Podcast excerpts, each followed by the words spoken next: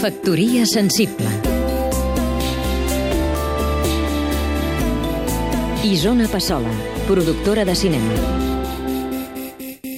La societat civil designa el conjunt de les organitzacions cíviques, voluntàries i socials que formen la base d'una societat activa, en oposició a les estructures d'estat i a les empreses. A Catalunya, justament perquè no hem tingut estat, tenim una de les societats civils més potents del món. Durant el franquisme ens va salvar els mots promovent moviments artístics de tota mena en allò que s'ha anomenat la resistència cultural i amb la resistència política a través dels partits i dels sindicats clandestins.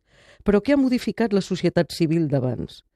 Doncs que internet ha irrigat aquesta xarxa humana i ha estat d'una extraordinària eficàcia per visibilitzar propostes comunes, de tal manera que el signe d'identitat més important de Catalunya ja no és la llengua, la cultura o la història, sinó la seva societat civil. Una societat civil que no és més que la visualització més explícita de la seva voluntat de ser. La voluntat de ser expressada reiteradament i tossudament segons la sociologia moderna és la característica més definitòria d'una nació, i una nació és el concepte que defineix una col·lectivitat humana com a subjecte polític. Aquest és el nus que no es desfà per entendre's amb Espanya. Mai no ens han admès, ni des de la dreta ni des de l'esquerra, com a subjecte polític amb dret a decidir el que sigui.